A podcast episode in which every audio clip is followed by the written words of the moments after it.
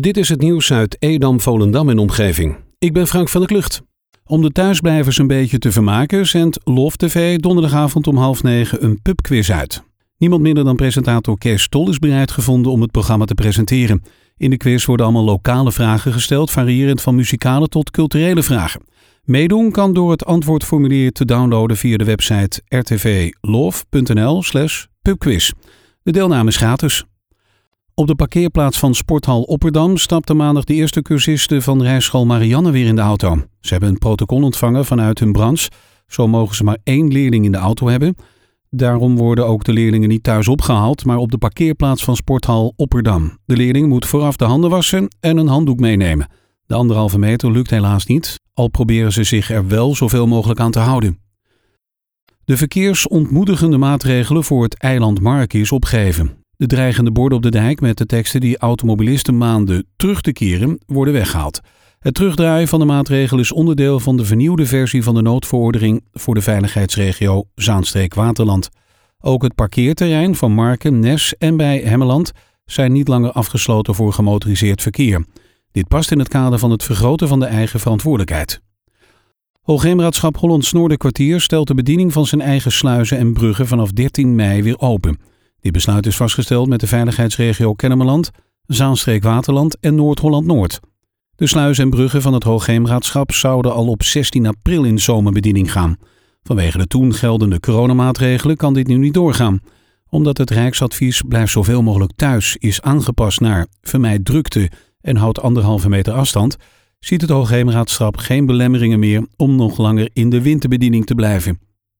Bij sportcentrum Atlas in Volendam kan weer gesport worden. Ze hebben buiten hun diverse sportapparaten opgesteld, zodat er toch weer getraind kan worden. In de acht weken dat de sportschool dicht was, zijn er vanuit de sportschool diverse online trainingen gegeven. Daarbij konden de mensen materiaal lenen om hier thuis mee aan de slag te gaan. Dus de jongens en meiden die krachttraining wilden doen, namen dumbbells en gewichten mee. Wie meer cardio wilde doen, kon meedoen aan de online lessen. Nu hebben ze van de gemeente toestemming gekregen om de sportlessen buiten te geven.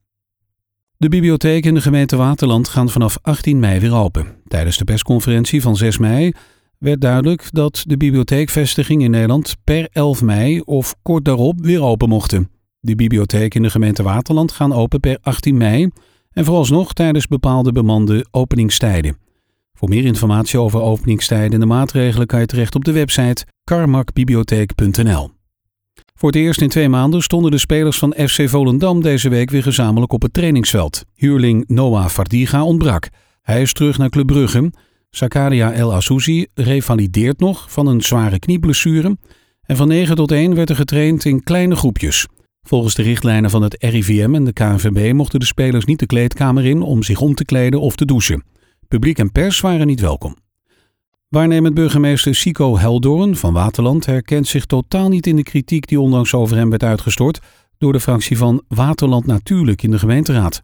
Dat blijkt uit zijn reactie op schriftelijke vragen van Waterland Natuurlijk, waarin zijn functioneren in deze crisistijd aan de kaak werd gesteld. Heldoorn wilde daarover eerder in het openbaar niet zeggen, maar heeft nu de vraag officieel beantwoord. Hij voelt zich niet aangesproken door de kritiek van Waterland Natuurlijk, zo meldt het Noord-Hollands Dagblad.